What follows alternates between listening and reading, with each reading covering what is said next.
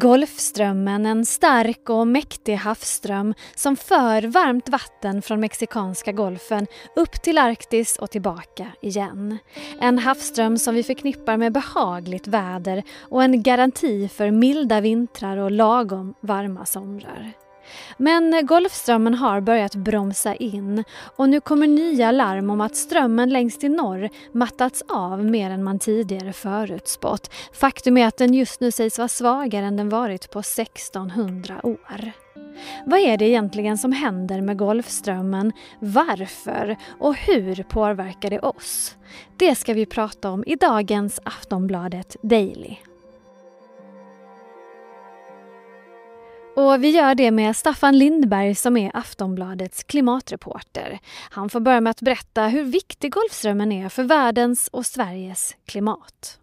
Eh, den är otroligt viktig. Eh, Framför allt för oss här i Europa skulle jag säga det. Utan, utan Golfströmmen skulle vi ha väldigt mycket strängare vintrar i Europa som skulle göra det betydligt mindre trevligt att leva här. Och dessutom så finns det ganska stor risk att det skulle innebära betydligt torrare somrar också som skulle göra det svårare att odla mat och så. Så att man kan säga att livet här i Europa skulle bli väldigt mycket tuffare utan Golfströmmen. Och vad är det exakt som gör att man nu oroar sig då för vad som händer med Golfströmmen? Ja, det senaste som hänt är att det kommit en helt ny rapport som ska publiceras i kommande nummer av en vetenskaplig tidskrift, Nature Geoscience, där forskarna kan slå fast att delar av Golfströmmen har har försvagats kraftigt och, och det är längst upp i norr i Golfströmmen där havsströmmen har mattats av med, och de bedömer det upp till 20 procent och, och de säger också att Golfströmmen nu bedömer de är svagare än vad den varit på 1600 år. Men det har ju larmats om Golfströmmen i ganska många år. Senast 2013 så kom FN med någon rapport där de gjorde någon slags prognos om hur lång tid det skulle ta innan det hände någonting med Golfströmmen. Är det förvånande det här som man nu har fått reda på? Kommer det, det som en chock? Eh, både och kan man säga. Det stämmer ju att, att FNs klimatpanel IPCC varnade för att Golfströmmen skulle försvagas under det här århundradet, eh, var så man uttryckte sig. Och de gjorde det för åtta år sedan, 2013. Och vi har ju också sett liknande forskning som pekar på att, att Golfströmmen mår dåligt. Men det har hela tiden varit någonting vi har trott skulle hända på väldigt lång sikt. Och det man nu kan säga efter den senaste rapporten är lite som vanligt när det gäller klimatet, tyvärr, eh, är att det tycks hända snabbare och mer kraftfullt än, än vi tidigare har trott. I, I FNs rapport från 2013 så trodde man att Golfströmmen skulle ha avmattats. Man bedömde då me mellan 11 och 34 procent till nästa sekelskifte, alltså till år 2100. Och nu tror Potsdam institut som är ett känt tyskt center för klimatforskning där bland annat svenska Johan Rockström finns, nu tror de på 45 procent. Så att det är hela tiden det här, det går snabbare, eh, det händer mer kraftfullt än vad vi tidigare har trott. Men den här avmattningen då av Golfströmmen har ju flera olika orsaker. Du sa där att Golfströmmen mår dåligt. Varför mår den dåligt? vad finns det för anledningar egentligen? Det finns ett par huvudskäl skulle jag vilja säga. Dels handlar det om att uppvärmningen i Arktis gör att havsströmmar där uppe har svårare att, att kyla ner sig som de gjorde innan. Och då får det här ytvattnet som ligger uppe högst upp vid ytan får det svårare att sjunka ner och som det behöver. Och det behöver sjunka ner för att sen kunna vända söderut. Så att det bromsar upp flödet. Ehm, dessutom så späds det här salta havsvattnet hela tiden ut av sötvatten från smältande glaciärer, alltså den smältande isen i Arktis och på Grönland. Och, och det gör också att havsströmmen mattas av. Så att man kan tala om de här två olika huvudorsakerna till att Golfströmmen mår dåligt och, och det är två olika orsaker som båda såklart hänger ihop med, med den globala uppvärmningen. Um, och, och, vad av det som vi gör som är dåligt för klimatet är värst för just Golfströmmen? Kan man peka på någon sån faktor? Det är klimatförändringar i sig som är dåligt för Golfströmmen och, och allra värst är läget i Arktis. Uh, vi har pratat om det tidigare eh, i den här podden om att, att den globala uppvärmningen går som allra, allra fortast just i Arktis och, och det är där Eh, där smälter ju bland annat sommarisen ser man betydligt, betydligt mer under en längre period än innan och det är, är det som mest påverkar Golfströmmen och på ett tydligast sätt påverkar den. Du nämnde Sveriges klimat eh, och att det skulle inte alls vara bra för oss som bor just här om Golfströmmen eh, avmattades i den här takten då.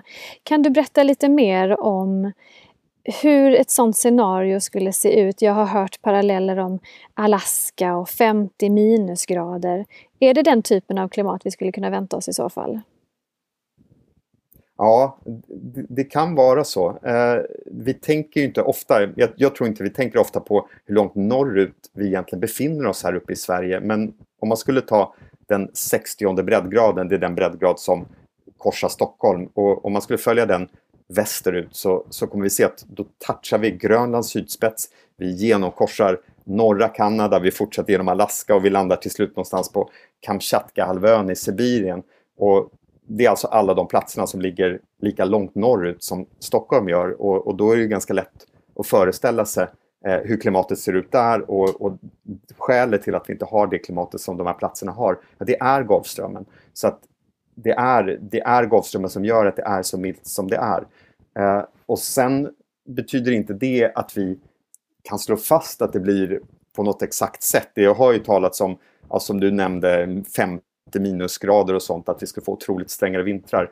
Här kommer det in ganska mycket osäkerhet, eh, ska man komma ihåg. Eh, det kommer in osäkerhet därför att där, där är forskning som, som man kan säga så här, medan forskarna är, är säkra på Eh, den globala uppvärmningen, forskarna vet sambandet mellan att vi fyller atmosfären med koldioxid och att det leder till ett varmare klimat. det vet man. Men just när det kommer till alla de här följdeffekterna av klimatförändringarna eh, eh, som, eh, som avsmältningen av, av tundran i Sibirien, som vad, vad som händer med de tropiska regnskogarna, som vad som händer om glaciärerna kollapsar på Antarktis och vad som händer med Golfströmmen. Ja, det är alla sådana följdeffekter av klimatförändringarna och då blir osäkerheten, osäkerheten mycket större. Vi saknar långa mätserier, vi saknar forskning så att allting är väldigt osäkert. Det kan vara så att vi får det här kalla klimatet. Det kan också vara så att att den globala uppvärmningen som vi också upplever i någon mån kompenserar för den. Det här vet vi inte. Men hur hänger det ihop då om man tänker på Alaska och kalla vintrar? Hur hänger det ihop med att vi också skulle få varmare och torrare somrar?